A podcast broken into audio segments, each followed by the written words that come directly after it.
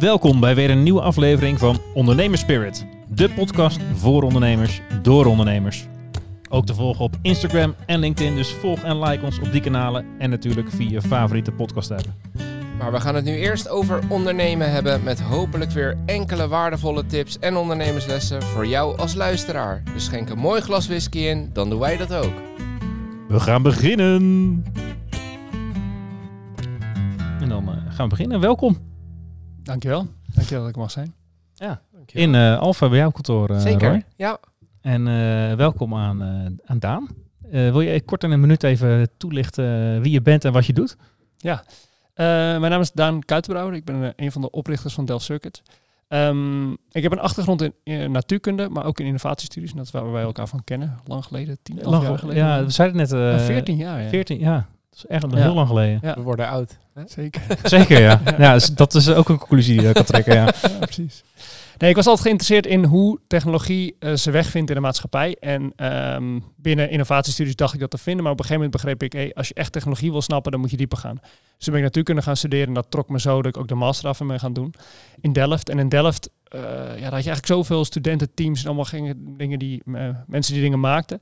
En eerst ben ik heel erg geïnteresseerd geraakt in eigenlijk golfdynamica, eh, vanuit golfsurfen, maar echt, echt diep begrijpen hoe waterstromingen werken. En toen op een gegeven moment was de vraag, ja, ga je daar dan een PhD in doen of wat is de volgende stap? En toen, ehm, toen besefte ik eigenlijk, als, als ik echt wat wil doen wat, wat een beetje impact heeft, waar, waar dingen gebeuren, waar een, waar een wereld van, van interesse ligt, eh, dan moet ik toch de, de kant van de kwantum op, want dat was echt waar het op dat moment aan het boomen was. Er was heel erg eh, eh, in geïnvesteerd in, in, in Delft, in QTech. En op dat moment begonnen daar dingen uit te komen. En dit was een van de eerste bedrijven. En toen, ehm, ja, Welk jaar hebben we het dan over? 2016. Oké, ja. Ja, en toen, eh, ja, toen, toen eigenlijk trok het ondernemen me toch ook best wel aan. Ik dacht op een gegeven moment, ja, ik wil niet PowerPoints maken. Ik wil gewoon iets doen. Ik wil iets vets maken. Ja. En eh, ja, dat was hier de mogelijkheid die ik kreeg. Nou, top. Ja, de, Tof. daar gaan we het zo uitgebreid over hebben. Met eh, eerst wat toelichting, wat kwantum is en dergelijke. En dan Ja. eh, gaan we ook lekker over ondernemen praten. We gaan een hoop leren vandaag, Paul, denk ik. Ja, dat denk ik ook. Eh, maar dat gaan we natuurlijk doen met een goed gevuld glas. En dit is de Old Pulteney. De, de, de festivalbotteling van de International Whisky Festival in Den Haag. Waar je volgens mij woont. Ja. Of niet?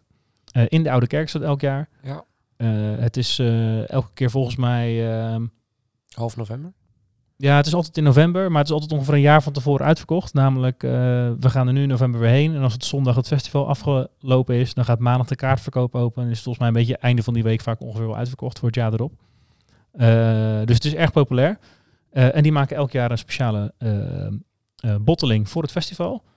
Eh, dit keer was het dus van de Old Pulteney. Die heb ik gekocht. Jij was erbij, eh, Roy Ja, toen we hem eh, gingen proeven. Want ik weet nog dat we daar stonden. Dat dit is eh, het vat 1306. Er was ook nog een ander vat. 1305. Nee, volgens mij niet. Nee? Volgens mij 1200 zoveel was dat oh, andere vat. Oh, Ja. oh, oh. En het zei ze, ja, eh, als het allebei de festivalbotteling is, eh, hoe erg kan het verschil zijn? Nou, we waren unaniem met eh, onze vaders er ook bij. Ik geloof Ja. met vier, vijf man stonden we daar. Deze vonden we allemaal beduidend lekkerder dan die andere. Dus eh, vat 1306 eh, is het geworden. En die zo, was ook veel sneller uitverkocht dan die ander. Klopt, ja. Ze waren ja, niet de we enige waren zeker niet de enige. Nee. Eh 252 flessen van. En dit is eh, nummertje 165. Eh, ja. Maar Wat ik er maar mee wil zeggen. Een unieke fles hebben we hier eh, voor ons staan. Want als die op is, eh, dan... eh, ja, is ja, er zijn, ja, er zijn dus 250 flessen van uit hetzelfde vat. En dan heb je niks meer. dit nog van deze distillerij, maar niet meer hetzelfde. Maar dit is niet een Haagse whisky, of wel? Het is geen Haagse whisky, nee. Dus Old. Pulteney is een, een distillerij in, heb ik even opgezocht, dat wist ik niet natuurlijk. Het noordoosten van Schotland, van het vasteland van Schotland, bijna het noordelijkste puntje. Eh, als je daar de zee op gaat, dan zit je ongeveer tegen de Orkney Islands aan. Dus je zit echt wel eh, eh, Oh. hoog. Volgens mij is het de hoogste distillerij van het vasteland. Maar ja, ze zijn allemaal, eh, of het meest noordelijke van het vasteland. Oh, marketing. Ze zijn allemaal het meest oostelijk, meest westelijk, meest noordelijk, hoogst gelegen, laagst gelegen, oudste, jongste. Nou, allemaal superlatieven. Ehm 52,8% is die op de geboddeld. Dus dus wel aan de sterke kant. Ehm, Slok Ik- 1 ga je dat merken. Slok vanaf één ga slok je het- 2 ja. wordt, het, eh, wordt het zacht. Ik vroeg jou nog netjes, toch? Ik wil het even op eh, tape hebben. Van, eh, heb je nog voor of na kunnen zeggen? Ik vind het eigenlijk altijd wel lekker, maar ik weet het niet precies. Dus eh, we zien wel. Ja, Dus nou, ik hoop dat dit... eh, Eén eh, toevoeging nog. Jij hebt het logo op je glas staan van uh, Ondernemerspirit. En eh, het enige huiswerk wat je eigenlijk hebt eh, is binnen de aflevering om hem op te drinken. Want dan mag je het glas houden als eh, dank voor je, voor je tijd en verhaal. Dus eh, ja, laat die smaken, maar laat ons ook af en toe aan het woord. Want dan, eh, dan kun jij met opdrinken. ja, precies. Slentje. Proost. Proost. Ja, wij hebben dus stiekem al een keer op, eh Roy. Ja, Nou, op het festival natuurlijk, voordat we hem kochten. Maar ook nog een keer met Norbert eh, ja. Bij jou thuis. bij mij thuis. Ja. Nou, ik moet zeggen, hij valt me nog steeds niet tegen. Dus eh goede aankoop. Zeker, dat is wel echt lekker, ja. Heb jij er nog mening over? eh? Hij is echt zacht, hè? Nou, ik hoorde in, de, in, in jullie eerdere podcast dat als het boven de 50% is, dat het dan best wel, best wel scherp wordt. ja. ja. ja, dat is vooral Roy's ding. Die, eh, ja, die, 50 eh, is normaal een Ja, beetje mijn, mijn bovengrens. Ja, Ja, dat hoorde ik, ja. maar deze is dat best wel... Ja, Deze is heel zacht. Beetje, ja. Dat is eh En hij was, wat zei je nou? 51,8? 52,8. 52,8. Ja. Ja, dat zit wel aan de, aan de hoge kant van, eh, van Ja. wat jij normaal acceptabel zou Maar vinden. is wel heel zacht. Want het is geen eh, age statement, toch? Eh, volgens mij wel.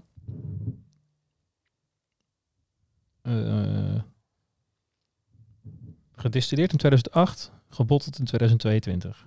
Hm. Ja, ik had ergens van tevoren gelezen, volgens mij 13 jaar. Oh, dat kan waardig dan. Hè? Dat zou dan kunnen kloppen. Maar staat er inderdaad niet heel prominent op. Ja, maar hij zegt eh heel zacht. Mooi, daar gaan we mee doen. Je hebt net al een voorzetje gegeven, Daan. Eh, 2016 zei je, want dat is altijd de vraag, hoe ben je begonnen? Maar eh, in dit geval ook als je je aan het verdiepen bent in, eh, in, eh, in golven en in water. Hoe eh, kom je dan opeens bij een quantum startup eh, terecht?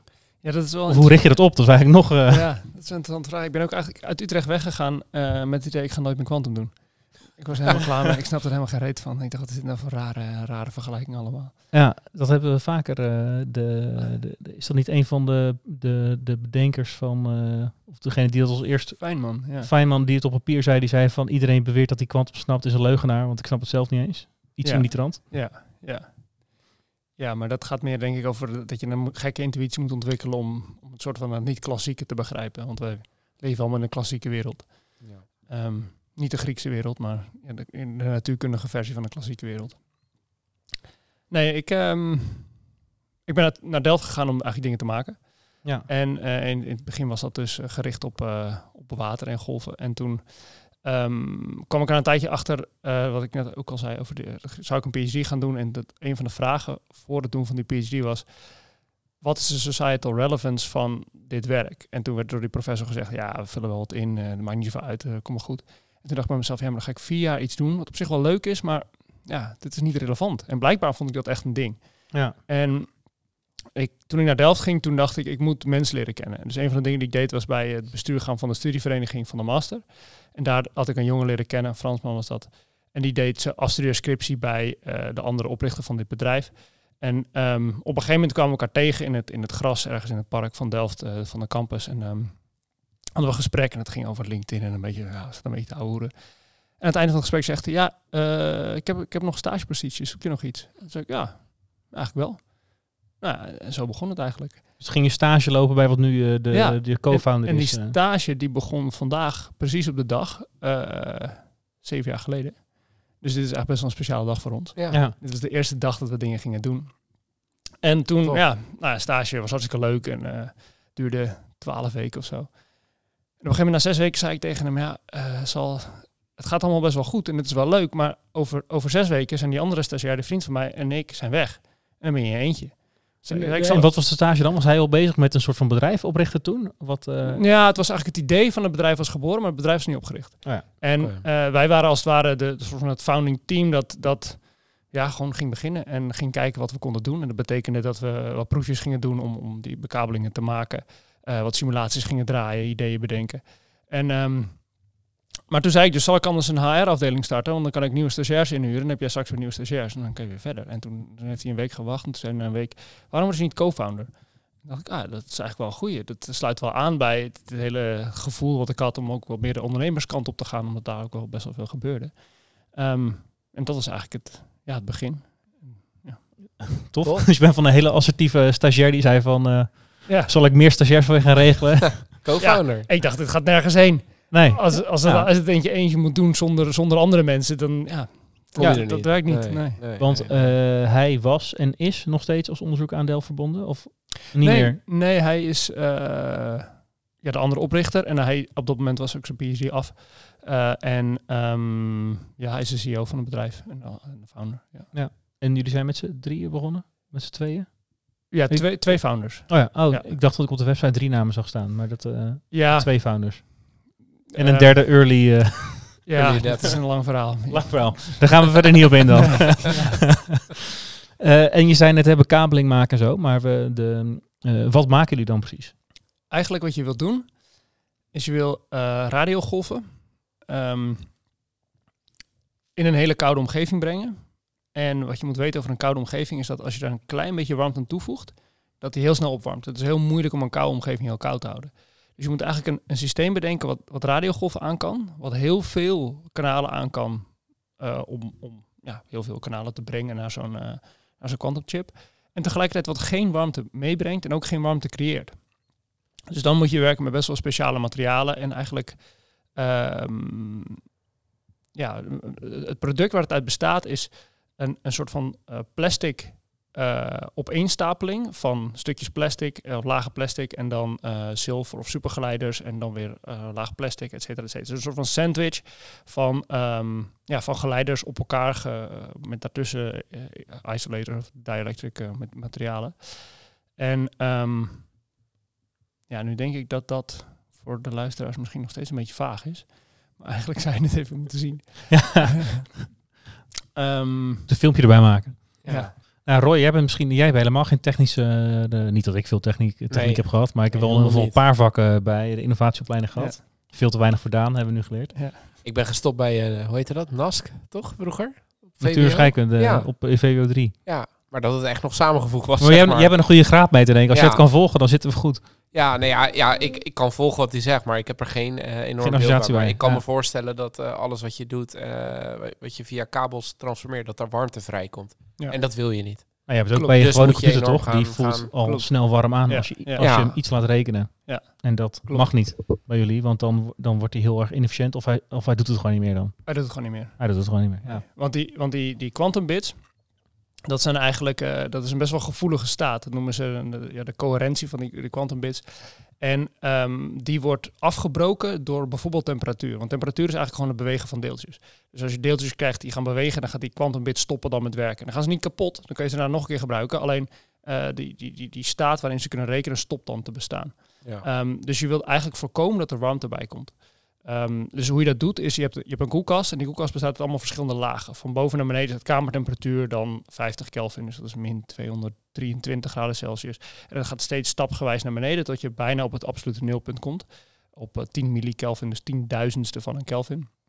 En op iedere van die, van die, van die platen van die stages, eigenlijk wat je daar doet is daar, daar beklemmen wij die bekabeling om alle warmte eruit te trekken. Dus eh, wat warmte doet, is dat glijdt van, koud, van warm naar koud. Dus dat gaat van boven, waar het warm is, naar koud. En eh, dan moet je alle warmte eruit trekken. En dan is het die, die op, op 50 Kelvin, dus min 223, is het eigenlijk veel warmer dan op 4 Kelvin. Dus op 4 Kelvin kijk je naar boven en denk je, oeh, het is warm daar. Moet je het weer allemaal eruit trekken. En zo gaat het stap voor stap steeds verder. Ja. Hoe, hoeveel stappen heb je nodig voordat je... Hangt een beetje van de koelkast af, met vijf of zes. Nou ja, Maar, eh, en die warmte voer je dan af of zo? Of hoe- Ja, die voer je af door, eh, door allerlei pompsystemen en, en ja vloeistoffen. precies. En dat is een beetje waar wij niet zo heel veel mee te maken hebben. Omdat het al, ja, die koelkasten kun je kopen. Dat zijn best wel speciale apparaten. Die maken heel veel herrie. Heb je zo'n even grote ruimte als dit voor nodig. Ehm, maar die kun je wel gaan kopen. Oké. Ja. En dan, eh, hè, dan zou je ook kunnen denken van, nou, je hebt dan een, een kast nodig ter grootte van een eh, flinke vergaderruimte. Ja. Dan kan je het goed afkoelen. Eh, waarom zouden we dat allemaal in godsnaam gaan doen, eh, zo'n zo'n quantumcomputer, als je zoveel ruimte nodig hebt? En zeg maar, wat, wat maakt dat dan zoveel beter dan een normale? Ja, dan, dan praat je eigenlijk over... ehm, Zo, eh, zoveel beter dan een normale computer, bedoel ik. Ja. eh. ja, Voordelen van quantum. Ja. ja. ja het, binnen het, eh, het oplossen van computerkundige problemen heb je allerlei eh, maatstaven om te kijken hoe, je, eh, hoe moeilijk een probleem is. Dat, en dat is, meestal wordt het gemeten met het aantal mogelijkheden of, of n. En ehm, een, een, een, een probleem kan eh, schalen met het aantal mogelijkheden of met het kwadraat van het aantal mogelijkheden of allerlei van dat soort dingen. Ik ben verder geen uh, wiskundig computerkundige, maar er zijn heel veel van dat soort probleemvelden die eigenlijk gewoon niet te doen zijn met een normale, een klassieke, ook wel een supercomputer. Uh, waar je bijvoorbeeld naar kijkt is het begrijpen van hoe elektronen zich gedragen om, om kernen. Als je kijkt naar het waterstofatoom, dat is heel klein, is heel simpel, dat is nog wel te doen. Maar als je steeds groter gaat, dan is het op een gegeven moment gewoon niet meer te doen. En dat zijn echt de meest basale reacties in de natuur, uh, in, in scheikunde, maar ook in de natuur in het algemeen. En als je die eigenlijk niet zo goed kunt simuleren, niet zo goed snapt, ja, dan is er een heel, hele wereld aan dingen die je niet begrijpt. En, en die reacties, dat, dat zijn allemaal intrinsiek kwantum, ja, kwantumfenomenen. Dus die doe je eigenlijk gewoon na. Zo op die manier kun je het simuleren. Want het niet te doen zit hem dan in dat er gewoon te veel mogelijkheden zijn. Dus exact, ja, exact. Ja, ja, dat is exact. En dat is gewoon, uh, omdat die problemen zo extreem moeilijk schalen met het aantal elektronen wat je daar hebt, ja, dan is dat gewoon, dat is gewoon niet, niet te behappen. Te veel. Maar dit, uiteindelijk is het een vraag voor wiskundigen, maar um, hoe kun je dit soort problemen dan mappen op, op finance of op logistiek of op, uh, weet ik veel, allemaal dat soort dingen. Maar dat kan ook. Uh, en daarmee krijg je dat het niet alleen maar binnen de, de, de scheikunde en, en, en ja, de maakindustrie interessant is, maar daarbuiten ook nog wel. Ja, en het grote voordeel zit er dan in dat je heel veel sneller dingen kan uitrekenen. Dat is, het, dat is uiteindelijk het hele praktische nut ja, van een quantumcomputer. Heel veel sneller, maar ook uh, dat je het überhaupt kan. Want als je met de, de, de allerkrachtigste supercomputers bij elkaar uh, ergens duizend jaar aan het rekenen bent, ja, dan is het gewoon eigenlijk, dan kan het eigenlijk niet. Nee. Dat, kan, ja, dat haal je gewoon niet. Nee, nee precies. Dus dat is, de, nu hebben we even quantum computing, uh, computing in uh, 101, de why in, in 10 ja, minuten. Maar kijk, wat je natuurlijk wel ziet, waar dit hele gedreven wordt door deze markt, is ook wel gewoon dat partijen niet per se de eerste willen zijn, of eigenlijk wel natuurlijk, maar vooral niet de laatste willen zijn. Vooral als je kijkt in een geopolitieke setting. Ja. en partijen heb je het dus over dan landen of bedrijven. Of bedrijven en landen, maar landen werken vaak via bedrijven. Ja, Amerika wil deze wedstrijd niet verliezen van China. En ik kan het zeggen, ik moest, ook niet. Ik moest ook uh, ja. uh, denken aan, ik denk dat het een jaartje geleden was of zoiets, een long read in, ik weet niet eens meer welke krant of... Uh, maar dat de, de ge geopolitiek maakt, maakt mensen erg zorgen om wie als eerste de quantumcomputing werkend krijgt. Want voor alle duidelijkheid, we kunnen dit nog niet praktisch gebruiken, toch? Dus er zit heel veel in uh, bedrijven zoals jullie. Ja. Ik neem aan dat jullie niet de enige zijn ja. die dit soort dingen proberen te maken en werkend proberen te krijgen. Maar degene die als eerste kan, ja. Die kan opeens in, uh, waar hebben we het over? In plaats van duizend jaar rekenen, dat in een paar dagen uitrekenen. En gewoon de eerste echte killer. Dat is niet meer in te halen dan daarna. Uh, ja. Dat is de strekking van het artikel. Als China dit als eerste kan, dan zijn ze zo exponentieel verder. Zelfs als Amerika het een week later kan, dan kan je die week niet meer inhalen. Dat, ja, dus misschien ja. wel, maar dat was de strekking van het artikel. Wie het als eerste heeft, die heeft een voorsprong die bijna niet meer in te halen is. En daarom wordt iedereen zo zenuwachtig van. Ja. Geopolitiek snap ik. Maar dat Jij maakt je niet zo zorgen om? Nee, ik vind dat een beetje... Het hangt er ook van hoe je het gebruikt. Als je de beste tools van de wereld hebt, maar je snapt niet... Uh, ik vind, je hebt de beste voetballers van de wereld, maar je hebt geen coach. Ja, dan, wat gebeurt er dan? Dan verliezen ze nog. Ja. Het, je moet wel weten waar je het voor gebruikt en hoe je het nuttig inzet. Maar ik denk dat de begin de killer is eigenlijk gewoon het breken van encryptie. Uh, dat kan in één keer alle wachtwoorden, alle dat soort dingen kun je gaan breken. Ja. En, en dat wordt natuurlijk wel heel vervelend, vooral als je dat op een, op een uh, defensie van een ander land gaat zitten toepassen. Ja. Ja, als Rusland dat nu zou kunnen, dan uh, hebben ze opeens de overhand. Uh, als je uh, alle communicatie ja, tussen dus Oekraïne en bondgenoten kan inzien. Ja, ja dan wordt een hele snelle manier van de Enigma-code kraken. Nou ja, ja, ja, toch? Enigma was, is natuurlijk een heel mooi voorbeeld daarvan. Ja, En hoe is dat iets waar jullie ook echt actief mee bezighouden? Want ik weet dat in de Nederlandse politiek en ook in de wetenschap heeft, hebben we het heel erg over kennisveiligheid. Nu in het laatste jaar ongeveer. Ik kan me voorstellen dat dat op jullie ook van toepassing is. Of is dat uh, niet zo aan de hand? Ja, um, het speelt heel erg eigenlijk, ook om ons heen. Maar wij zelf specifiek... Uh, kijk, wij maken... Ja, we zijn eigenlijk ergens gewoon ordinaire kabelboeren, om het zo te zeggen. Want onze kabels die gaan ook naar allerlei... Uh, het idee is dat ze naar allerlei satellietmissies gaan met NASA. Die zitten in, in de detectoren die naar de ruimte kijken, al dat soort dingen. Dus het is echt niet alleen maar kwantum. Nee. En het is daarbij ook echt hardware. Dus al die applicaties en toepassingen die ik net noem, dat is niet ons veld. Nee. Dus daarom als er een professor meeluistert en zegt, dat heb je verkeerd. Nou, dat kan best, want ik weet dat niet precies. Dat is niet echt niet ons veld. Wij Ja. maken eigenlijk gewoon echt enabling hardware om, dit, om deze velden te kunnen instappen. Maar ja, als je supergeleidende kabels gaat maken voor eh kernfusiereactoren, dat soort dingen, ja, dat is gewoon heel anders. Ja. Eh, dus in die zin is het, wij zijn een van de weinige bedrijven, denk ik, die ehm, een, een potentiële markt hebben die echt veel breder is dan alleen maar één stukje kwantum. Want de meeste bedrijven focussen op één specifieke architectuur quantumcomputer of één specifiek stukje dit. En bij ons is het ook wel, maar de, ja, het zijn gewoon kabels. Die kun je voor van alles nog wat gebruiken. Ja. Om dan even uit, uit de techniek te stappen en puur het ondernemersveld in. Dat lijkt me wel verdomde lastig. Want kijk, toen, toen ik, nou, ik begon met een administratiekantoor, wist ik, nou, daar is wel een markt voor. Ja. Maar dat heb je helemaal niet. want Je zei net al, de potentiële markt die er is. Dus eigenlijk ben je nu volop bezig voor iets waarvan je hoopt dat het ooit afnemers. Ja, nou ja, er zijn... afnemers zijn er wel natuurlijk op het moment dat eh, de markt zich voordoet. Maar Ja, en, en, en je kan niet over vijf jaar, eh, want IBM is bijvoorbeeld een van de beste, van de grootste spelers hierin. IBM kan niet over vijf jaar een fantastisch product neerzetten als ze nu niet investeren. En Nee. dat investeren betekent ook nu investeren in hardware. En IBM Mhm. is niet de enige, zijn heel veel. Dus er is best wel veel eh, markt al. Dat is niet te vergelijken met een, een markt van, voor AI of zoiets. Of, of, of allerlei semicon dingen die echt een grote afdracht vindt. Ehm, ja. Maar er wordt wel geïnvesteerd door grote corporates in bedrijven als jullie. Moet ik dat zo eh, interpreteren? Of, nou, eh, die grote koppers die proberen gewoon zelf quantumcomputer te bouwen. Om dan al de hele chain in, in handen te hebben. Maar goed, een IBM die, die, die, die financiert het ook vanuit Ja. bestaande markten. Ja. Ik bedoel, die, die, die verdienen gewoon geld. Maar als dit natuurlijk jullie focus is, Ja. dan ben je eigenlijk aan het ondernemen terwijl er nog geen markt is. Toch? Je hebt geen zijproduct waarmee je dit financiert. Dus dat lijkt me best lastig. Ja, als- als nou, ondernemer. dan eigenlijk is de vraag, is er in deze ontwikkelende markt een, een winst te behalen eh, op, op, op eigenlijk eh, afnemers? En die is er zeker. Eh, er, is dat ook vooral de reden dat je dan die brede interpretatie, of dat je de, de, de brede kabelboerroute kiest, om het maar even zo te noemen, in plaats van heel specifiek. eh, ja, dat is een van de redenen, maar dat is meer ook een soort van allerlei backup scenario's heb je daarin. Alleen ehm, als je kijkt naar de koelkastenbouwers, en er zijn er best wel van die ook al wat langer bestaan, dat zijn denk ik echt bedrijven die eh, best wel volwassen zijn. Want iedereen heeft die koelkasten nodig. Of je nou onderzoek doet of aan toewerken bent naar een goed product of weet ik veel wat. Iedereen heeft dat nodig. Dus daar wordt ook flink winst gemaakt. En dan heb je een heleboel andere toeleverend, toeleverende bedrijven die eigenlijk in de ontwikkelingsfase zijn. Wij zijn daar net uit aan het geraken en echt eh, richting productie en omzet eh, te gaan. Ehm, dus ja, wij, wij richten ons nu ook om in diezelfde fase te komen. Maar ja, om orde grootte te geven, de, de, de bekabelingsmarkt praat je over 200 miljoen per jaar, iets meer denk ik. Dus het is, daar kan je best wel wat in doen. Het is Ja. geen, geen wereldmarkt, maar je kan er best wel wat in doen. Ja, precies. en dan heb je het specifiek over die bekabeling in die extreme lage temperaturen. Ja, Ja. ja, ja.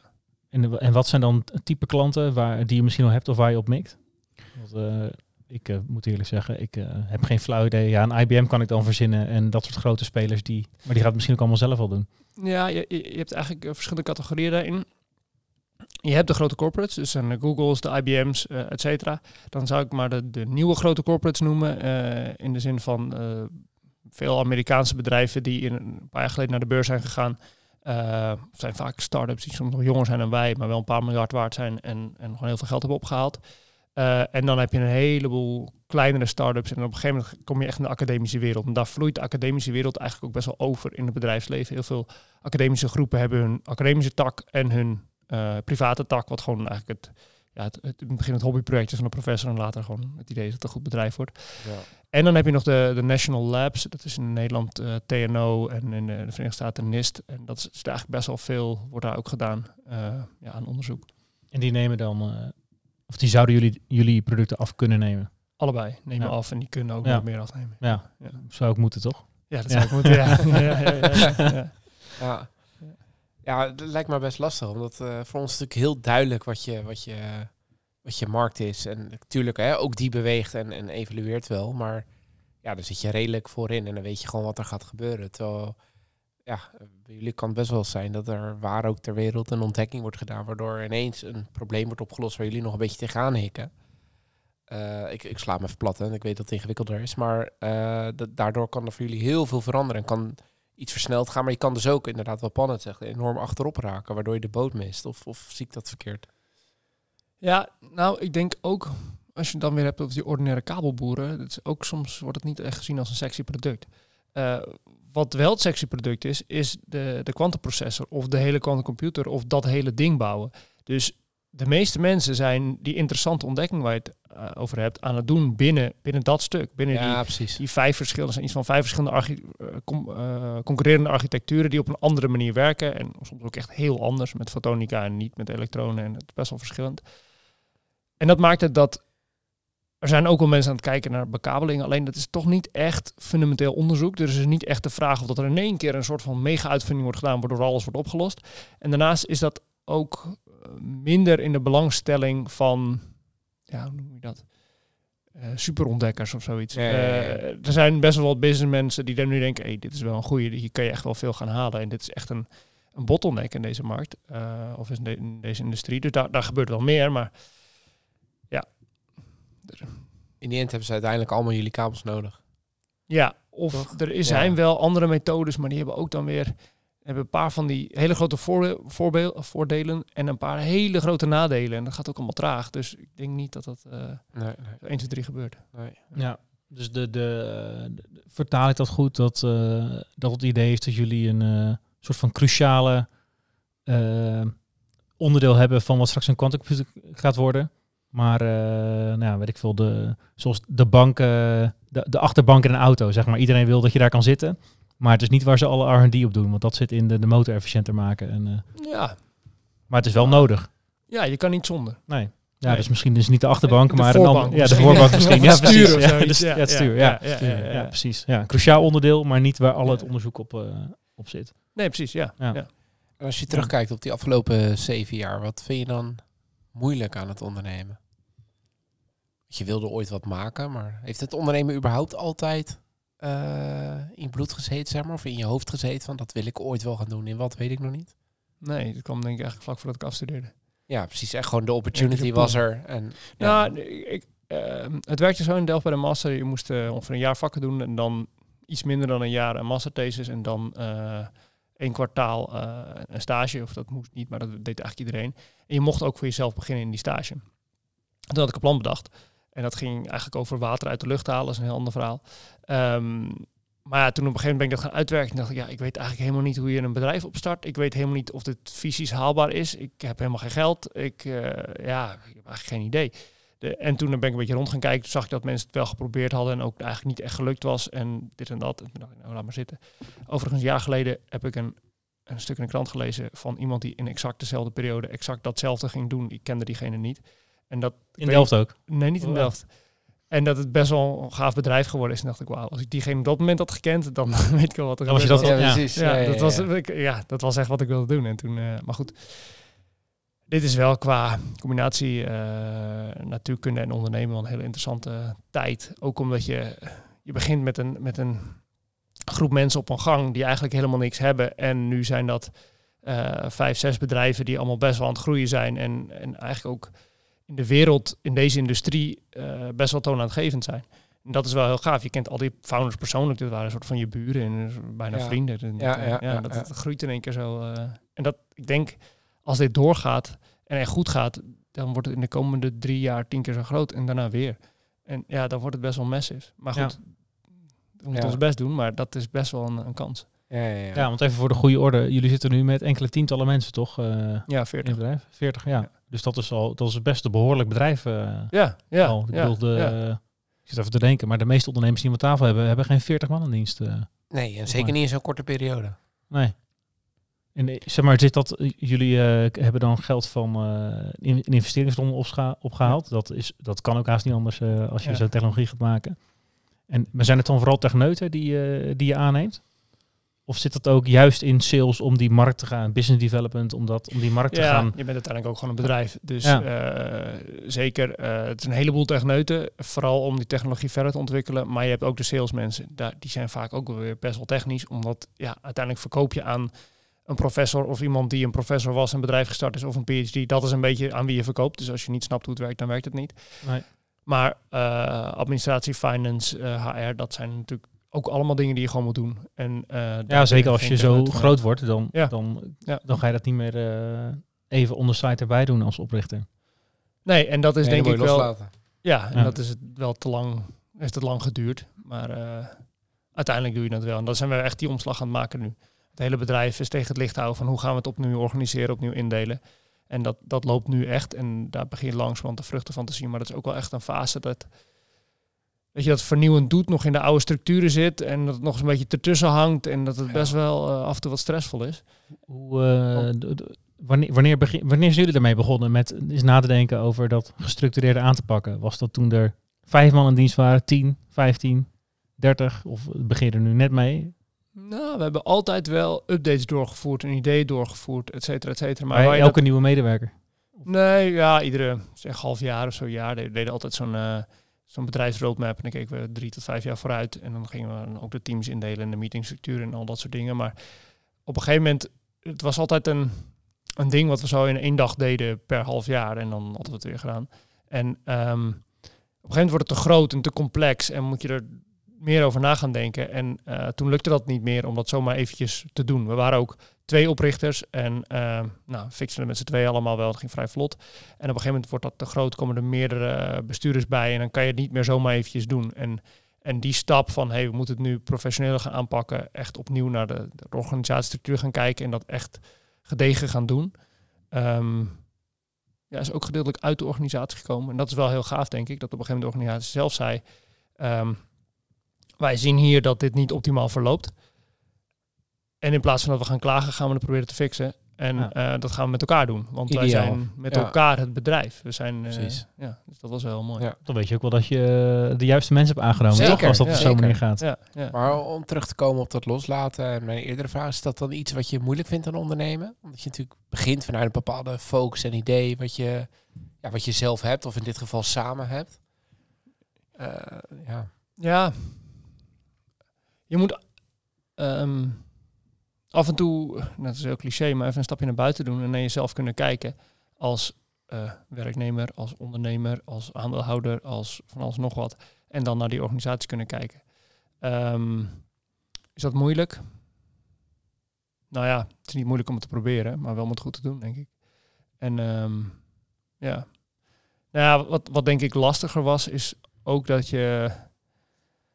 Um, vooral als je geld aan het ophalen bent en dat ook de hele tijd moet doen, uh, dat, dat soort processen lopen allemaal elkaar door elkaar heen. Dus je bent eigenlijk de hele tijd zit je echt te focussen om het geld op te halen, dat te fixen. En dan heb je niet zo heel veel gedachtenruimte meer om ook nog eens even het bedrijf rustig tegen het licht te gaan houden. Je bent de hele tijd in zo'n soort van en dat Eisenhower-diagram, ik weet niet of je het kent, het ja, ja, ja. urgente, die is alleen maar die urgente hoek te rammen de hele dag. Ja. En Niet- dan is het wel lastig om daaruit te komen. Niet urgent, maar wel heel belangrijk. Dat is eigenlijk waar je wil zitten. Ja, ja rechtsboven, ja. Ja, ja, ja, Ja, precies. rechtsboven. En eh, ik probeer heel hard naar rechts te lopen nu, maar het lukt niet altijd. Nee. Maar, eh, ja. Want is dat dan niet iets waar ook eh, dat soort potentiële investeerders en de durfkapitalisten naar kijken? Want ik, ik ken die trajecten zelf niet, eh, maar die kijken puur naar de potentie van het bedrijf of niet hoe je de structuur hebt geregeld en hoe het onderling allemaal werkt. Zou Nee. ik bijvoorbeeld als investeerder heel belangrijk vinden. Ja, hoe, zo- hoe zo'n traject verloopt is eigenlijk dat je elkaar leert kennen. Het is standaard met een pitch. En op een gegeven moment denk je, ja, het is afgezaagd. Maar een pitch is echt gewoon een soort van heilig. Een pitch deck, eh, tien slides en een verhaal vertellen. Ja, En nou oké, dat gaat dan eh, goed. En dan op een gegeven moment ga je toe onderhandelen naar een, een termsheet. En daarna eigenlijk wat er gebeurt is, is twee dingen. Dat is het, het totale contracten en de due diligence fase. En in, in die due diligence fase verwacht je dat dat allemaal tegen het licht wordt gehouden. ja. Alleen, ik denk, ik heb zo zelf aan de andere kant gestaan, maar ik denk dat het als investeerder echt best wel ingewikkeld is om, om dat echt goed te doorgronden. Want op een gegeven moment krijg je, je krijgt allemaal verhalen, je krijgt allemaal vooral heel mooie verhalen, want ja, dat is toch wel Tuurlijk. wat het is. Ja, zeker. Je bent ook wel open en eerlijk, je gaat niet, eh, niet dingen verzwijgen, maar toch, je vertelt gewoon een mooi verhaal. Eh, en je krijgt een plaatje van de organisatiestructuur. Maar ja, dit plaatje is waarschijnlijk ook de laatste vier maanden of misschien acht maanden of misschien twaalf maanden niet geüpdate. En misschien was het ook niet de beste eh, manier van weergeven van de organisatie. Eh, vooral een organisatie die ontwikkeling is. Dit is niet een standaard piramide. Ehm, hoe vind je de spillen in het web? Dat is echt niet triviaal. Dus ik denk dat het Nee. als investeerder ook echt lastig is om dat te vinden. En dat heb je niet alleen over de organisatiestructuur, maar, maar ook over eigenlijk allerlei andere aspecten. Vooral technologie. Ja, hoe werkt dat? Wat is het? Hoe zit het in elkaar? Hoe maak je het? Wie heeft welke kennis in zijn hoofd wat heel speciaal is? Dat het. Ja, ik Ja, wie is de cruciale medewerker? wie is de cruciale eh, medewerker? ja. Precies, ja. Je moet voor goede huis komen om dat te begrijpen, denk ik. Ja. En dan kijken ze vooral heel erg naar de finance. En dan, dan denk ik soms bij mezelf, ja, Ja, dat is leuk, maar als al je level A-players eh, aan de achterkant weglopen, dan kan Ja. de finance er nu goed uitzien, maar Ja. heb je weinig toekomstperspectief. Ja, en daar zie je ook wel sommige investeerders Lastig. die kijken heel erg naar die finance kant. En ik denk dat je eigenlijk voor Series A moet je dat helemaal niet doen. Want ja, dan heb je gewoon een founder die natuurlijk een investeert of weet ik veel wat anders. En die, ja, die heeft een keer gekeken hoe ziet een P&L eruit. Nou, dat kan ik ook wel. Ja. En dan doet hij wat. En dan, eh, ja, prima. En dan is het, eh, is het eh, investor-proof. Oké, top. Ja, Maar that's als it. je daarop Ja. gaat, dan denk ik dat dan ben je niet helemaal goed bezig. Maar je hebt ook investeerders die zeggen, ja, oké, tuurlijk, het moet goed zijn. We moeten het snappen. Klopt, allemaal. Ja. Dat is ook zo. Dat is niet de basis De van... eh, basis ja. moet zijn de potentie van de technologie. Ja. En daar herken je ook wel een En de- beetje de, en de mensen die daar werken. Denk ik dan. En de werkers die er werken. ja. We hadden er eentje, ik vond het echt, vond ik echt fantastisch. Die kwam langs en ehm, toen le- leidde ik hem rond en eigenlijk het boeide hem helemaal niks. Het enige wat hij wilde vragen is aan iedereen die tegenkwam, waarom werk je hier? Ah, ja. Eh, en hij- en hij vroeg, werkt hij bij jou? Ja, ik zei ja. Oké. We gingen naartoe, waarom werk je hier? Waarom werk je hier? De hele tijd dat. Ja. En ik kreeg allemaal mooie verhalen van die werknemers. Zei, Oké, nou, ze lijken wel blij. Het klinkt wel vet hier, mooi. Ja. Dat was Ja. zijn enige doel. Ik vond dat wel echt, eh, Ja. ja. Het is wel mooi om te zien. dan. wel inspirerend eh, ook. Hoe, hoe gefocust hij dat... eh, En dat is misschien nog wel beter dan die technologie goed snappen. Want dat, zeg maar, want elk bedrijf staat of valt uiteindelijk bij de mensen die het doen. Die technologie kan nog zo vet zijn, maar als, als de beste mensen weglopen omdat de sfeer slecht is. Ja. Dat, eh, Of er zal niet in geloven. Of er zelf niet in geloven. Nee, ik, Ja. eh, je had het net over AI bijvoorbeeld. Eh, de, ik ben even de naam kwijt, maar bij OpenAI zijn allemaal mensen weggegaan die dan nu een ethische eh, versie daarvan aan het maken zijn, waar de naam even van ontschoten is. Maar dat zijn dus allemaal mensen die intrinsiek gemotiveerd zijn, die ook miljoenen dollars ophalen. En dus ook iets groots aan het bouwen zijn. Ja. En dat, dat waren heel veel goede mensen die eerst bij wat dan nu een grote concurrent Ja. Zaten. En dat, ze zijn inmiddels groot genoeg dat ze misschien wel kunnen opvangen. Maar dat, zeker in een vroege fase kan je dat niet hebben natuurlijk. Nee, precies. En wat ons daar denk ik ook wel heel erg op geholpen is, is dat wij vanaf het begin hebben gezegd, eh, alle, nou ja, of bijna alle medewerkers, die worden ook mede-aandeelhouder. En dat heeft me zelf best wel wat kopzorgen ge- ge- gekost om hoe dat nou te regelen met de belasting, met dit en dat. En op een gegeven moment hadden we een of andere structuur bedacht. En toen was het eigenlijk, oké, als we dit uitvoeren zijn we morgen failliet. Omdat we dan zo'n grote waardeoverdracht doen, dan moeten we een belasting over betalen. En dat hebben we Ja. niet in kast, dan is het gelijk klaar. Eh, Oké, nou dan moeten we het nog eens naar de tekentafel. Want het kan toch niet zo zijn dat de Belastingdienst wil dat wij failliet gaan, omdat wij willen delen. Ehm, eh, maar goed, uiteindelijk is dat wel gelukt. En dat, Hoe heb je dat opgelost als ik vragen mag? We hebben er wel eens over gehad. Van, Ik eh, heb een een en al oor hier. oh ja, dat, Wat, eh, eh, Want de, de, Het is heel ingewikkelde structuur. Want ik an- weet... anders hebben we het er straks nog even over Ja. nadat de microfoon nou, de, staat. key, de key zit hem er eigenlijk in dat je geen aandelen moet weggeven. eh, want dan is het loon en dan gaat de loonbelasting over. Dus je moet ze verkopen. En dan kan je daarin allerlei trucs bedenken hoe je het goedkoop verkoopt. Of later Precies. de nieuwe aandelen leningen open doet. Weet ik veel wat. Ja, ja. dat soort dingen. Of je kan natuurlijk met opties werken. Maar ja, goed, dan krijg je alsnog die, eh, die taxafdracht alleen dan later. Ja, Ja. precies. Ja, want dat is, eh, ik weet niet in hoeverre je ook in die eh scene zit. Eh, bij TechLeap doen ze het allemaal onderzoek naar, een rapport erover schrijven. Vooral om te lobbyen om de fiscale regels in Ja. Nederland eh, soepeler te maken. Overigens, deze reden- eh, laatste Prinsjesdag, het wordt aangepast hè, vanaf 2027. Ja, maar dat is toch dat die opties na vijf jaar worden... Nee, Belast- pas bij verkoop is nu eh, het Oh, pas bij voorstel. verkoop. Dat is Ja. nu het voorstel in ieder geval. Ja. Dus de lobby heeft geholpen, want die De heeft zeker impact gehad hierop. Ja. Ja. Ja. Maar Nice. wat, ik ben nog wel benieuwd naar eh, wat doet het met jou als ondernemer? Want ik zou, eh, niet om je druk aan te praten, maar als er investeerders komen en zeggen, joh, ik geloof in jou, ik geloof in je idee of ik geloof in je bedrijf, hier heb je nou, bedrag X, eh, brengt ook wel druk met zich mee. Merk, merk jij Ja. zelf, ben je daar anders mee omgegaan? Of, of, of is het alleen maar juist een bevestiging dat je op de goede weg zit? Of? Nou, ik, ik denk dat was in, ehm, in- toen net corona was. Toen op een gegeven moment toen was het geld bijna op of hadden niet zoveel meer. En toen, ja, toen had ik een eh, onze seed investor. Het werkt altijd dat je eerst een nou, niet altijd zo, maar je vindt meestal een lead investor en daarna maak je het investeerdersconsortium compleet en er zijn er vaak nog één of twee bij. Hoeft niet. In ons laatste ronde was er alleen maar één investeerder. Maar ik had die seed investor gevonden. En ehm, dat was gelukt. We hadden een term sheet getekend, allemaal prachtig. Maar die zei, we willen tenminste één co-investor erbij hebben. En toen had ik een lijst van 15 potentiële co-investors. Nou, dan ga je pitchen, dan ga je langs. En dat was toen alleen maar online. En eh, toen na de zomervakantie vielen ze één na één na één af. En op een gegeven moment zie je, het geld op de bank gaat omlaag. Het aantal investeerders op mijn lijstje gaat ook omlaag. En als we dit niet rondkrijgen, dan gaat misschien eerst deze lead investor afhaken. Dat deed hij gelukkig niet. Dat was wel echt heel fijn. Ehm, maar ja, als het zo doorgaat, dan houdt het op een gegeven moment gewoon op.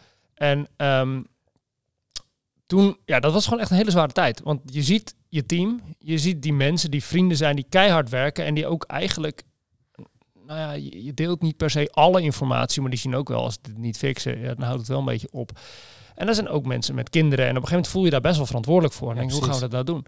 Ehm, nou, toen is dat uiteindelijk toch wel gelukt. Eh, maar daar, ik denk wat er bij mij gebeurde was dat op een gegeven moment toen ging ik, ik kreeg het besef, je gaat vooruitdenken, ja, ik verlies nu het bedrijf, dit stopt nu, dit houdt op. En op een gegeven moment ga je daar een soort van verdriet voor voelen en dan ga je door die, eigenlijk die verdrietige periode al heen voordat het gebeurd is. En, en dat was gewoon best wel een zware tijd. Want ik, s'avonds was ik gewoon eigenlijk, nou ja, ik was niet depressief of zo, maar ik was wel echt niet blij. En dan ging de hele dag gewoon alsnog doorwerken en doorwerken, doorwerken en proberen, proberen. En uiteindelijk is het gelukt. En toen, maar ja, toen had ik eigenlijk al mijn verdriet al verwerkt. Dus dan ben je eigenlijk in een zekere zin ook meer vrij. Toen later heb ik daar de soort van de, de metafoor aan gekoppeld. Als kapitein op een schip verlaat je het schip altijd als laatste. Ehm, maar als dat schip dan door de Waddenzee vaart en dan vaar je door het vaargeul en op een gegeven moment zink je, ja, dan zink je drie meter en dan blijf je daar zitten en dan, en dan, nou, iedereen weg en op een gegeven moment kan je zelf ook van boord. En wat betekent dat nou eigenlijk? Je blijft hoe dan ook aan boord. Tot het laatste moment. Wat er ook gebeurt, maakt niet uit. Alleen, eigenlijk heb je best een goed vangnet. Je zit nog steeds in Nederland. Je gaat niet persoonlijk failliet. Die mensen die om je heen zijn, die werknemers, die verliezen wel hun baan. Maar ja, in de techmarkt is best wel veel te halen. Ja. Is niet een wereldramp. Het enige wat jij moet doen, is een kapitein zijn. En nooit het schip verlaten. Tot, tot, tot, tot het laatste bent. En dat, nou ja, dat, ja... Als je door een zware tijd gaat en je herhaalt dat soort dingen voor jezelf, dan zegt iedere Ja. dag, op een gegeven moment was het ook een periode, iedere dag gebeurt er een ramp. En dat was ook zo, iedere dag was er weer wat, een machine kapot of iemand die geen geld had, weet wat. En iedere dag als er een ramp gebeurt, beantwoord ik hem met een glimlach. En als je dat helemaal consequent doet, dan op een gegeven moment kom je er wel doorheen. Of niet. En dan ben je het laatste op het schip die niet zinkt. Dus nou, Ja, dan moet je dan nog even allemaal afhandelen en dan eh, ga je Ja, wat anders doen. dan ga je wat anders doen. ja, Ja, dat is wel een eh, mooie, nuchtere... Ja, maar Hele ja, manier voor kijken, kijk. Ja. Maar goed, wel eh, de, past die nuchtere kijk na een proces Ja, gekregen. En eigenlijk eh, is dat een soort van de, de ontkoppeling van je eigen persoonlijkheid met je ondernemerschap. Ja. Je bent ondernemer en je bent jezelf. Maar dat is niet één en hetzelfde. Want als het wel zo is, dan heb je heel veel risico. Ja. Dat Hoe, beetje- bedoel, hoe bedoel je dat? Nou, je, je ondernemer die kan een keer falen. Maar dat betekent niet dat je zelf gefaald bent of een gefaalde persoon bent of iemand die niet nog een keer door kan of dat je niet meer de moeite waard bent of dat je er niet meer bent. Dat betekent gewoon dat jouw ondernemersreis een keer gefaald hebt en opnieuw kan. En, en die, die Ja, ontkoppeling is, is belangrijk. Natuurlijk, je bent wel ondernemer, maar je bent niet alleen maar alleen ondernemen. maar ondernemer. Ja. Die daarnaast Nee, geen precies. mens. Je bent ook vriend en geliefde en, en sporter of weet ik veel wat je nog meer bent. Ja. Betekent dat dat je er, er nu op een bepaalde manier wat, eh, ja, wat, wat, wat soepeler in staat? Eh, mocht er nog een eh, ronde moeten komen qua financiering of eh, eh, sales gaat tegenvallen, dat je denkt van ja, eh, Ja, kan gewoon weer terug in de, in de Waddenzee, Waddenzee kapiteinmodus. ja precies. Ja. Ja, dan ga je gewoon weer daarin hangen. Ja. Maar ik, ik kan me voorstellen dat je dat, dat je, Wel lekker dat je dat een keer gehad hebt. ja, dat je Ja, merkt dat je ja. daar een wat een relaxtere ondernemer van wordt eigenlijk. In plaats, zeg Ja. maar, want je, Ja. er zijn er genoeg die altijd heel gestrest zijn. Ja. ja, het is niet dat ik Om- nooit gestrest ben, maar... Nee, maar Maar nee, het zeker. verschil tussen af en toe en eh, bijna altijd, Ja, precies. Ja, want- dat, dat ja. is wel een groot verschil Want natuurlijk. ik denk dat een zekere mate van stress maakt je scherp en, en, en Ja, maakt absoluut. je beter. Ja. Maar te veel stress helemaal niet. Maakt je alleen maar zwakker. En dan, op een Ja. gegeven moment dan ga je kapot van de stress. krijg je een burn-out. Ja, en daar heeft niemand wat aan. Ik zei al tegen mezelf... Ik mag niet een burn-out krijgen en ik moet ervoor kiezen om dat niet te krijgen. Want als ik dat krijg, dan houdt het op. Ja. Dus ik moet een soort van preventief ook mezelf bewaken. Want op een gegeven moment hangt het echt op je schouders. En hoe doe je dat dan? Genoeg slapen. Ja, Lekker rondjes fietsen af en toe. ja. Ru- rust pakken eigenlijk. Vrijkomen in je hoofd. en, Vrij in je eh, hoofd. ja, Ja, dus niet op vrijdagavond nog twee uur doorwerken, maar dan juist heel bewust even gaan eten en even een rondje gaan fietsen. Ja, want ja, dat is ja. eigenlijk een Ja. verstandige keuze voor de lange termijn. Ja, ja, precies. Want op een gegeven moment is het wel zo. Ik denk in een bedrijf heb je altijd een paar mensen die. Nou, ik denk als eigenaar van een bedrijf, als een bedrijf een bepaalde grootte heeft, wil je heel erg voorkomen dat het bedrijf volledig hangt op één of twee personen. Je moet iedereen vervangbaar maken, zo snel mogelijk, want dat is namelijk een van je grootste risico's. Ja. Zo ook jezelf. Alleen het titeltje founder is lastig om te vervangen, eh, vooral in de beginfase. Kijk, als je later geld moet gaan ophalen en je hebt gewoon een heel goed financieel team, ik kan me voorstellen dat het ook wel werkt. Maar in het begin, ja, investeren zeggen, ja, dat zal wel met die techneuten voor jullie. Hartstikke leuke mensen, heel interessant, maar we willen met de founders praten. Punt. Ja. Ja. Dat is ook logisch. Toch? logisch, dat, eh, ja. Als je bent begonnen, dan, dan Ja. willen we met jou Ja. zitten. Want als jij weggaat, dan, eh, dan is die kapitein weg. Dat, dat, zo zien zij dat waarschijnlijk ook. Als de kapitein weggaat, wat blijft er dan over van het schip? Stuurloos schip. Stuurloos schip. Ja. Ja. Ja. Maar goed, Ja, ben je daar doorheen geslagen? De Ja. Waddenzee eh, die is er over tien jaar ook nog. Die is schiploos, want jij eh beveiligt eh, aan Ja. het varen. Waar, waar, waar, waar wil je staan over tien jaar met de onderneming? Oh, wauw. Of vijf jaar, want ik kan me voorstellen dat tien jaar misschien een, een grote scope is. Nou, dit vind ik wel, vind ik wel een interessante vraag. Ehm, het zijn eigenlijk twee vragen voor mij. Waar wil je staan met de onderneming en, en, en waar wil je staan? Maar als we beginnen met de onderneming, dan zie ik wel in, in ehm, ehm, met deze nieuwe investeerder, die benadrukt eigenlijk heel erg, we gaan voor goud. We gaan voor het allergrootste. En eh, wat ik uit het Nederlandse, uit waar ik zelf vandaan kom, merk, is dat, ja, als je zegt, ons doel is de Nasdaq, dan kijkt iedereen aan, ja, ben je niet een beetje overambitieus? Wat is het nou voor iets? Ja. Ehm, eh, deze investeerders zijn ook Nederlanders. Ze komen uit Eindhoven. Eh, en in Eindhoven is dat hele ASML-wereldje. En daar heb ik wel meerdere mensen gesproken die eigenlijk ook alleen maar op deze manier nadenken. Ja, oké, we gaan standaard, we gaan voor de allergrootste, we gaan voor de Nasdaq, punt. Eh, we gaan niet, niet moeilijk doen, we zijn gewoon mega ambitieus. En dat heeft ons wel echt eventjes een draai gegeven. Want in Amerika is dat de standaard. Je gaat altijd Dat is de Altijd voor de Nasdaq. je Ja. gaat niet een start-up beginnen als je geen unicorn wil worden. Dat is waar je dan mee bezig. Waar slaat Ja, het dan op? In Nederland? Ja. kun je zeggen, ik ga een mooi bedrijf starten.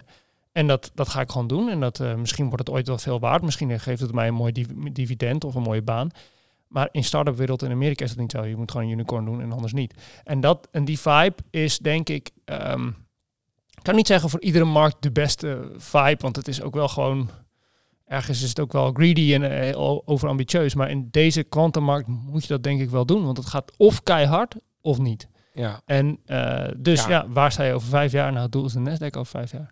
En dat, dat moeten we nu gewoon ook niet meer denken, oh, dat is overambitieus Nederlands. Nee, daar gaan we voor. En Ja. dat moeten we gewoon nu voldoen. Ja, dan ga ik ook. Mogen we je er uitnodigen als je naar Nasdaq gaat? Dat mag. Kunnen we er nog een keer Ja, over praten? Ja, Ja. ja, ja, ja. Lijkt me mooi. En, en, Ja, ja, en dat is gewoon, en daar gaan we gewoon voor. En kijk, als je, als je voor goud gaat, dan ga je daarvoor. Als je dan iets anders haalt, iets minder, is niet meteen een afknapper, niet meteen heel slecht, maar je moet je niet la- laten limiteren door je eigen ambitie. En ik denk dat dat wel de kracht is van, van wat zij inbrengen. Ja. Ja. Dat is wel mooi dat het eh, eh, eh, in dit geval niet alleen geld is. Hè. We hebben het al, iedereen heeft het over smart money. Maar in dit geval heb je dus eh, ambitious money misschien wel. Je krijgt Ja. geld en, Ja. en een soort van mindset Ja. erbij van... Ja. Loop En je dat zo te is klooien daar eh, in die delta in eh, Europa. Ja. Het is gewoon Nasdaq. Wat is het hoogste? Ja. Nasdaq. En ja, dat maar is, dat is ook wel een beetje Nederlands, toch? Om niet eh, om jezelf al een beetje ja, te bagatelliseren of Ja. gewoon een beetje down to earth eh, te te blijven. Ja. Ja. Ja, en, en dan uiteindelijk, als je op die manier naar je bedrijf kijkt, denk je wel eigenlijk alleen maar aan geld.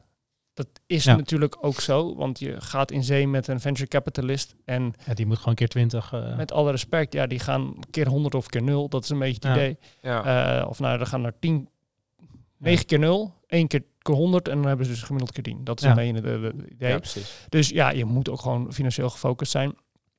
Maar je bent ook... Ja, we hebben niet voor niets aandelen aan het team gegeven, omdat we daar aan hechten, aan die mensen. eh, en de technologie is ook gewoon mooi. Ik bedoel, ja, het is gewoon... Waar ik wel benieuwd naar ben, en ik weet niet of je daar antwoord op kan geven, maar ehm, hoe werd dat ontvangen door die investeerder? Als iets positiefs of als iets negatiefs? Dat je je team betrekt met aandelen. Over het algemeen heel positief. Ja? Ehm, ja, op, eigenlijk omdat zij ook zien dat... eh, eh, ja, het, het, het, je bedrijf is het team. Ja. En als je beste mensen weglopen, dan, ja, dan, dan gaat het gewoon Ja. niet werken. Nee, ik snap het goed hoor, want je waarborgt in principe de continuïteit van, Ja. van je bedrijf. Ehm, maar ik hoor ook vaak geluiden dat het als iets negatiefs wordt, want meerdere kapiteins, of nou kan je dat natuurlijk ook anders inrichten, hè, met alleen winstaandelen, geen stemrecht. Er zijn natuurlijk honderd en één smaken voor. Eh, maar mijn ervaring is ook wel dat het vaak als negatief wordt ervaren. Terwijl ik zou het als investeerder alleen maar fijn vinden, omdat je eigenlijk je, level A players bindt Ja. daardoor. Nee, ik heb het zelf niet... ehm, nooit eigenlijk gehoord dat mensen daar tegen zijn. Oké. Eh, ook wel echt grote verschillen. Dat eh, er wordt gezegd, ja, ehm, 1, 2 procent. En de andere die zei, nee, ja, standaard bij iedere ronde doen we 15 procent voor al het personeel. Op, oké, gaat gewoon kaart zo door. En dat, daar range het tussen. Maar ik heb nog nooit iemand gehoord die zei, eh, nee, aandelen voor personeel doen we niet. Oké. Ja, misschien eh in, Ja, in- dit is in- misschien, het is weer een niche natuurlijk. Hè, Ja, precies. Misschien in eh, die wereld ja. ook veel, veel Ja, logischer. ja. Maar Wat je ook zegt, zeg maar, die, eh, die hele ambitieuze unicorn, dat verschilt natuurlijk ook heel erg per, per sector. En ik denk dat zulke hardware technologie voor zoiets nieuws, daar moet, daar moet het, zoals je net al zei, daar moet het bijna wel, wil je, wil je een, een, een significante speler worden. Want daar gaan de, de, wat er straks ook gaat gebeuren, er gaan een paar grote jongens komen. En die gaan dan niet met een leuk clubje van, eh, van tien man en, eh, Nee, en een miljoen omzet spelen. Dan Ja. wil je gewoon een serieuze partij met een serieuze fabriek, eh, die, eh, waarvan je zo goed als de garantie hebt dat die over vijf jaar ook nog steeds zijn. En dan ook nog Precies. steeds kunnen leveren als jij een keer tien bent gegaan. Ja. Of keer honderd. Ja, ik weet nog wel dat. Toen waren we net nog niet opgericht. Stonden we op een beurs en toen hadden we. Dat was ook al een mooi verhaal toen. Zouden we naar die beurs gaan? Ik wist helemaal niet wat die beurs was. En toen eh zei Sals, je, die andere oprichter, die zei ja, eh, laten we het of, of toch gewoon doen. Nou goed, we hadden een weddenschap en ik zei eigenlijk als we net als, als we één meting hebben, als ik terugkom van wintersport, gaan we daarheen. En ik kwam op maandag terug van wintersport en toen hadden we één meting. Dus nou, oké, dan gaan we daarheen. Wanneer begon die beurs? De maandag daarop in New Orleans. Dus toen moesten we in één keer alle marketingmateriaal, alles In een week maken. In een week maken, eh, tickets Tickets boeken boeken, daarheen vluggen, alles erop en eraan. En toen waren we daar, was, was hartstikke interessant. En toen kwam op een gegeven moment Intel langs en zei, ja, dit is wel echt gaaf. Ja, we waren nog niet product ready, was nog niet klaar. Maar op een gegeven moment zei hij, ja, hoe weet ik nou dat jullie over twee jaar nog bestaan? En als ik dan voor jullie iets koop, dan moet je daarna iets kunnen leveren. Dus dat was zo, ja, ja, weten we eigenlijk ook niet. Ik bedoel, bestaan eigenlijk nog niet. Dus ja, dit was... eh, Dat was Maar- niet het goede antwoord waar ze naar Nee, dat was zochten. niet het goede antwoord. Maar goed, toen hebben we maar gezegd, ja, we staan hier voor een marktonderzoek. eh, Ja. Maar goed, uiteindelijk is dat wel natuurlijk een hele realistische vraag. Want als je een, Ja, zeker, ja. een waardeketen, waardeketen probeert te bouwen, of een waardeketen heb je nodig om die industrie te laten te functioneren.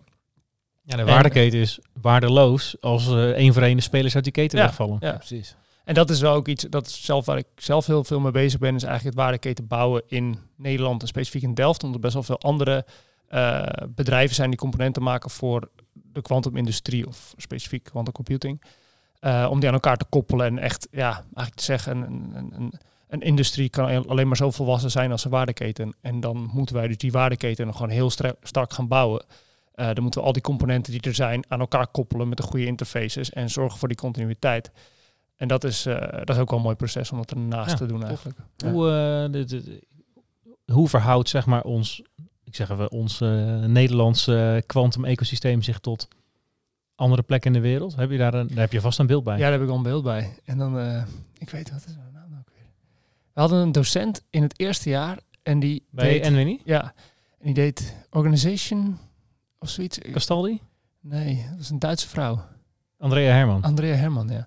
En die heeft mij geleerd dat eh, het Anglo-Saxische model is eigenlijk het maken van he- gehele systemen en radicale innovatie. En het, het continentaal-Europese model is veel meer incrementele innovatie van onderdelen maken, de, de, de moertjes en boutjes maken. En, en ik dacht, ja, oké, leuk. Ik ben een eerstejaarsstudent, het zal wel. En, Prima. en dit is onthouden voor tentamen. akte. Ja, onthouden voor tentamen. ja. Ja. En, eh, en nu zie je het gewoon gebeuren. Ja. Dit is gewoon een nieuwe industrie waar exact dat gebeurt. Alle bedrijven die quantumcomputers gingen bouwen, en nu zijn er een paar in Europa, allemaal de US. En een paar misschien in Canada en dan nog eens eentje in, en nog een paar in China. Vervolgens alle componentmakers, Europa. allemaal in Europa. In Nederland, ja, we krijgen nu... Ja, we zijn eigenlijk net, maar die zijn nog helemaal geheim, dus daar moet ik maar niet te veel over zeggen. Partijen die de, het hele systeem willen gaan bouwen. Nog steeds hebben ze eigenlijk niet echt. We, terwijl we wel heel veel componentmakers hebben.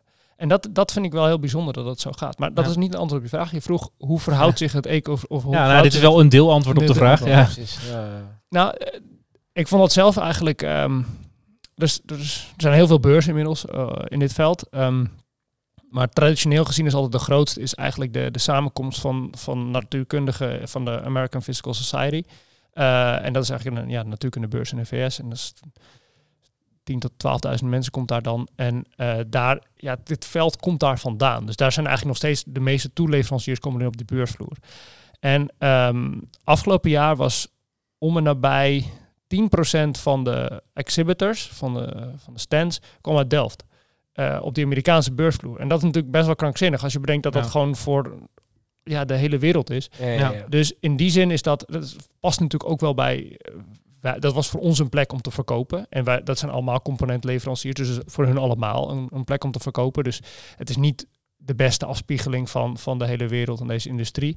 Maar het toont wel aan dat daar wel echt heel veel gebeurt. Ja. En, ehm, dus ja, dat is Ja, want ik zit een beetje te denken hè, dat eh, eh, in Europa worden allemaal plannen gemaakt. Ik, eh, heb, ja, dat kan je cynisch uitleggen of ik weet niet, maar van die mooie kaartjes worden gemaakt over waar, de, waar bepaalde werelddelen in leiden. En dan gaat het over quantum en dan gaat het over AI en dan gaat het over andere dingen. En dat zit inderdaad allemaal in de States en in China. En dan heb je regelgeving en dan heb je een hele grote cirkel op de EU staan, want daar zijn Ja. wij goed in, in de Ja. EU. Maar er wordt tegelijkertijd heel veel beleid gemaakt over waar hè, we, we moeten ons als, als EU, maar ook als Nederland, wat onafhankelijker krijgen van die andere continenten. We moeten weer grote industrieën gaan bouwen. Ja. Dat hoor je zo af en toe, is een soort van visie eh, ergens doorheen sijpelen. En dit zou er dan misschien eentje kunnen zijn, maar dan eigenlijk wel weer in de toeleverancierrol. Begrijp ik een beetje uit jouw Ja, eh, verhaal. maar je kunt die niet, componenten eh, natuurlijk gewoon ook aan elkaar koppelen. En dat kan je En dan heb je- doen. ja. Dan heb je het ook. Ehm, ja, nou ja, ik, denk dat je... eh over andere industrie kan ik het niet zo goed zeggen. Maar ik denk als je zou argumenteren dat alles alleen maar in de Verenigde Staten en, en China gebeurt... omdat daar uiteindelijk de partijen zijn die de gehele systemen maken... Ja, dan, dan ga je naar eigenlijk alleen maar het einde van de waardeketen kijken. Ja. En naar de, integrators. En dat is ook belangrijk, maar dan, dan, ver- dan vergeet je de rest. Ja. En ehm, dus ja, Nou ja, het, het begrijp me niet verkeerd. Je hebt natuurlijk cruciale onderdelen, maar het, de, het einde van de waardeketen is in veel gevallen Daar. ook de... meest de- ja, precies. De Ja, club waar de meeste waarde wordt toegevoegd. In ieder geval de meeste waarde wordt gepakt. nou, dat Eh, is Ik denk vooral en- die laatste. Ja, precies. En, Ja, maar dat is ja. dan, als je zegt voor, hè, dat, eh, de, voor, voor Nederland of Europa, dan wil je natuurlijk graag in een, ergens in een waardeketen zitten waar je ook, ja, waar waarde wordt gecreëerd. Ja. Eh, in, en dan heb ik het eigenlijk over economische waarde. Ja, dat, dat- is interessant en dat, dat is ook zo. Kijk, toen in 2017 ben ik op een bijeenkomst van IBM geweest en die gingen toen eigenlijk die, die hele endeavor van hun doen aan het bouwen van quantumcomputer. Extreem veel investering in hardware. Waarom deden ze dat nou? Om uiteindelijk quantum services te kunnen verkopen. Die hardware, ja, die boeit ze heel veel, vinden ze hartstikke interessant, maar uiteindelijk is dat niet het product. Nee. Uiteindelijk is het gewoon de, de, de, de services die je mee kunt leveren. Want daar wordt het meeste waarde mee gecreëerd, dus dat klopt. Ja, en in Nederland of in Europa ja, lopen we daar nog een beetje achter. Het is ook gewoon omdat het best wel duur is om alles aan elkaar te koppelen. Je kan hier niet eventjes zo 100 miljoen en dan 300 en dan naar de beurs Nee. ophalen. Nee. Eh, maar goed, ja, ik denk dat we wel kansen hebben. Ook als je kijkt naar eh, de Nederlandse samenwerking, de Nederlandse eh, Quantum Delta NL heeft, is inmiddels ook in 2019 geloof ik, ruim 600 miljoen opgehaald om te investeren in eigenlijk het, het maken van economisch waardevol iets van- vanuit de kwantumhoek. Ehm, en daar wordt ook wel gekeken naar hoe kunnen we nou zaken integreren om met z'n allen mooie demonstrators te maken, et cetera. Om, om niet alleen maar losse, losse dingetjes te doen, maar dat wel echt aan elkaar te koppelen. Ehm, daar is, daar is nog heel veel beweging in hoor, dus dat Ja. gaat alle kanten op. Maar, maar Maar dat is wel... Wel de mooie uitdaging. Ja, leg er maar uit. Ja. En ik denk ook echt waarde als je zegt, wij zijn een netwerk ook aan het bouwen in Delft van al die, al die bedrijven die andere componenten maken. Ja. Dat, dat gaat uiteindelijk wel een, eh, een, een kracht zijn in principe. Ja. Als een groot deel van die waardeketen bestaat uit partijen die, die elkaar kennen en die misschien wel zorgen dat bepaalde dingen Ja. makkelijk op elkaar te klikken zijn, om het maar eventjes heel simpel uit te drukken. Ja, maar dat is exact het- de gedachte. En dan, dan denk ik dat het aan ons ook de, eh, van belang is om het niet meer alleen maar bij elkaar aan elkaar te klikken, maar ervoor te zorgen dat andere partijen in de wereld het ook kunnen. Zodat die standaarden eh, algemeen worden. Want uiteindelijk denk ik wel dat wij het... eh, Delft is wel... Kan er wel wat van om lekker arrogant te zijn, vooral als je Ja, zeker. komt. En dan denk je, hé, wat een leuke stad. En dan kom je in Delft en denk je, oh, die gasten zijn eh, arrogant. Hè? Maar, ze zijn wel slim, maar... eh, dat we dat niet moeten doen in deze wereld. Want we komen een heel eind, maar we gaan het echt niet alleen redden. Dus wij kunnen misschien gezamenlijk een soort van standaardisatie, er zijn heel veel standaardisatiebodies, maar gestandaardiseerd werk leveren. En vervolgens moeten we dat heel erg met de rest van de wereld eh, in samenspraak brengen. Want anders dan, Delft is niet de wereld. We komen heel ver, maar Ja. het zijn er toch Ja, niet is ongeveer 10% Je hebt van de... nodig. Ja, Het is maar 10%. ja. Nice. Eh, Nog laatste opmerkingen of vragen? Nou, ik was eigenlijk nog wel benieuwd. eh, nu je een beetje wat meer die Amerikaanse mindset hebt. eh, dat is ook vaak eh, met dromen en eh, grote voorbeelden. Heb je een ondernemer die je als voorbeeld ziet? Kan ook lokaal hoor, maar heb je iemand waarvan je denkt, ja, zo wil ik eigenlijk dat mijn eh, ondernemersreis is? Of, of daar kijk ik tegenop? Oei. Ja. Niet zo 1, 2, 3. Je, je, hebt, je hebt af en toe dat je voorbeelden van, van mensen pakt of stukken uit, daaruit pakt en daar een beetje een gezamenlijk beeld voor probeert te maken. Maar ik heb Bedoel je uit interviews? Of, eh, Ja, inter, het kan interviews zijn, het kan, het kan boeken zijn die je leest of mensen die je zelf spreekt. Dat vind ik eigenlijk ook vaak gewoon, gewoon mensen in je omgeving waarvan je iets ziet van, oh, dit heb je echt heel gaaf gedaan, het is een hele gave kijk om, om iets te doen. Mhm. Ehm, maar ik heb niet echt zo 1, 2, 3 een heel makkelijk voorbeeld. Specifiek voorbeeld. Dat is ook een antwoord. Ja, dat is ook Ja. een antwoord, ja. Ja. Nou, dat was mijn eh, Ja. vraag, Paul. Ja, ik dacht, Ja. ik, ik ga daar even naartoe, want we zitten alweer bijna het uur. Ja, dat gaat eh, hard, hè? Dat vliegt de tijd zo voorbij. Gaat hard. Heb jij nog laatste eh, dingen die, eh nou, misschien tips die je hebt voor startende ondernemers? We hebben nog niet heel veel echte hardcore eh, hardware ondernemers eh, aan tafel gehad. Misschien eh, specifieke tips voor hardwaremakers of andere ondernemers tips. Ja. Mm. Ja, ik denk dat je, als je gaat, dan moet je gaan voor de deep dive, voor de, volledige, voor volledige route. En dat kan best wel lastig zijn. Voor mij was het simpel, omdat ik net uit de master kwam en ik woon nog in een studentenhuis. Maar ik denk dat dat wel, het is wel echt een, een lange reis. Het is een hele gave reis, je leert heel veel. Ehm, en, en wat ik, maar dat is, dat is meteen het zware, maar ook wel het interessante is dat er zijn best wel wat dingen waarvan ik soms denk, waarom wordt het er nog niet gedaan? En dat is ook wel omdat ik denk dat veel mensen eigenlijk niet die stap durven te maken. Om echt veel op te geven, een vaste baan op te geven en vol gas te gaan. Wat bedoel je dingen die niet, die niet worden gedaan? Ja, mensen die een onderneming oprichten bedoel je? nee, dat je, idee sommige- hebben. ja, dat je ideeën ziet of denkt, hey, dit zou men kunnen ondernemen of zou men dingen Ja. kunnen doen. Dat er, Waarom bestaat het waarom nog niet? bestaat het niet? Ja, Ja. inderdaad. Eh, dus eh, het is niet, je bent niet gek. Er zijn gewoon heel eigenlijk niet genoeg ondernemers, om het zo te zeggen, die dat durven. En spring er gewoon in en, en probeer het te doen. Ga het gewoon doen. Ja, je hebt het lef, ja. En in Nederland vaar je toch echt wel op de Waddenzee. Zo diep kan je niet zinken. Ja, ja, ja. Ja, ik vind het wel Dat is wel een mooie metafoor, zeker. eerlijk. Ja. En, eh, het is eigenlijk ook zo. Van, Nou, dat is hier het, is heel natuurlijk- goed, het is wel echt een privilege, ja, denk ik. 100%. En, en dat is dat, dat veel mensen in mijn omgeving hebben dat. Ik denk dat Nederland dat ook heel erg biedt aan veel mensen. Maar er zijn ook veel mensen, denk ik, die dat toch minder hebben. Ik denk als je, als je kinderen hebt eh, en je moet in de kost voorzien, dan, ja, dan is de Waddenzee wel iets dieper. Want dan, ja, dan moet je maar net die ouders hebben die je kunnen voorzien of wat anders. Het is toch wel, het is toch wel spannender. ja. Ehm, maar ja, je, je zal hier niet zo snel zien als je... Het is geen San Francisco, waar je de, de fancy eh, lab uitstapt en eh, iedereen op straat ligt. Ja, ja, Ja. ja. Ja. Nou, mooi. Dan gaan we eh, allemaal lekker de- verder varen op de Waddenzee. Gaan we doen. Onder het genot van misschien nog een klein glaasje. Want ik vond de whisky erg lekker. Nou, dan, dan misschien nog een klein beetje inschenken. Ja. Dank voor Daan, je verhaal. bedankt voor je komst. En eh ja, zie ik volgende week weer. Zeker. Gaan we, weer, gaan we weer gezellig samen. Tot de volgende. Tot de volgende. Dankjewel voor het luisteren naar weer een aflevering van Ondernemerspirit, de podcast.